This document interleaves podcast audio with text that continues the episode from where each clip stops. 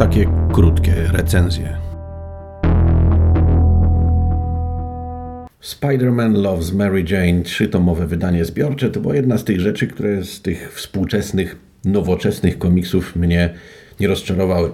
Ja mam problem ze współczesnymi komiksami, nie podobają mi się ani scenariusze, ani rysunki, ani cała reszta, ale Spider-Man Loves Mary Jane była e, wyjątkową rzeczą. Może dlatego, że mam pewną słabość do serii obyczajowych, może dlatego, że wręcz Spider-Man Loves Mary Jane kojarzy mi się z japońską serią Kimagure Orange Road, gdzie setting jest bardzo podobny.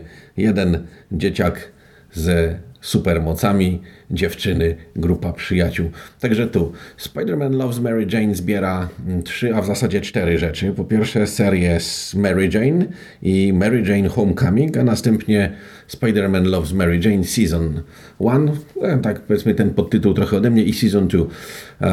Pierwsze trzy części to jest integralna, ciągła część. Opowiada historię Mary Jane Watson, która chodzi do liceum, ma tam znajomych Liz Allan, Flasha Thompsona, Harego e, Osborna.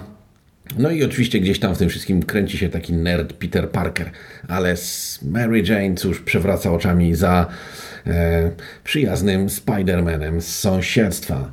Młodym, fajnym, roześmianym, bystrym dzieciakiem, który, jak się okazuje, ma też e, sporo swoich rzeczy E, na tapecie swoich problemów, swoich kłopotów, swoich zmartwień, ale także swoich małych radości. I ich ścieżki krążą, przecinają się mniej lub bardziej. Pod tym względem bardzo przypomina to też e, historię równoległe życia, którą omawiałem kiedyś w e, generacji TM Semik, u nas wydaną dawniej pod tytułem Podwójne życie pająka, a potem wznowioną w omnibusach Amazing Spider-Man.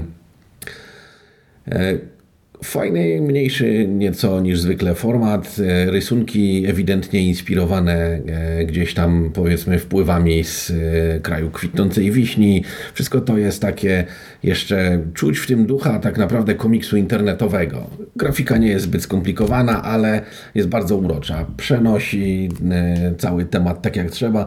Natomiast cóż, tym, co jest najfajniejsze w tej historii, są interakcje grupy znajomych nastolatków. I główną bohaterką dla mnie jest Liz Allan.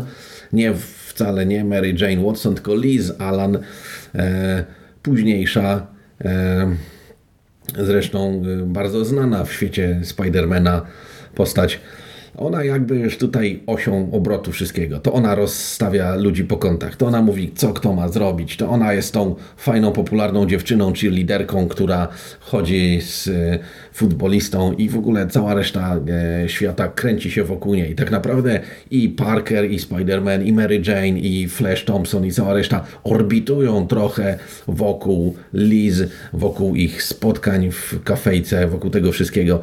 To jest bardzo dobrze napisana rzecz. McKeever e, tutaj postarał się, widać, że ma wyczucie do historii obyczajowych, widać też, że nadąża trochę za tym, w jaki sposób funkcjonują dzieciaki, bo seria dzieje się mimo wszystko tak w miarę współcześnie. E, nie jest to Spider-Man ten z lat 60., kiedy faktycznie był młodym chłopakiem, zaraz po tym, kiedy ugryzł go pająk, ale e, mimo tego uspółcześnienia problemy, kłopoty, na które natyka się się on i jego rówieśnicy są cały czas bardzo podobne. No bo przecież to najbardziej lubiliśmy w Spider-Manie, że był taki ludzki mimo swoich niesamowitych mocy.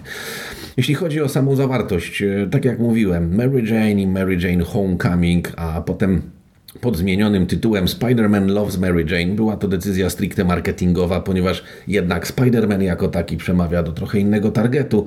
E, jest to fajna, dobra rzecz, w miarę zamknięta całość, dokończona. W pewnym momencie McKeever i Miyazawa, e, odpowiedzialni za scenariusz i rysunki, zrezygnowali z tego projektu. Został on zrestartowany jako Spider-Man Loves Mary Jane Season 2 z inną obsadą autorską. Jeśli mam być szczery, to tak naprawdę gdyby nie dorzucono tego do tych trzech e, wydań zbiorczych, to nie miałbym poczucia straty, ponieważ to jest taki trochę jakby restart, wszystko wygląda już zupełnie inaczej. Brakuje tej chemii, brakuje tej magii. Natomiast jeżeli e, chcielibyście poczytać trochę alternatywną historię Spidermana i jego przyszłej żony, najważniejszej kobiety w jego życiu.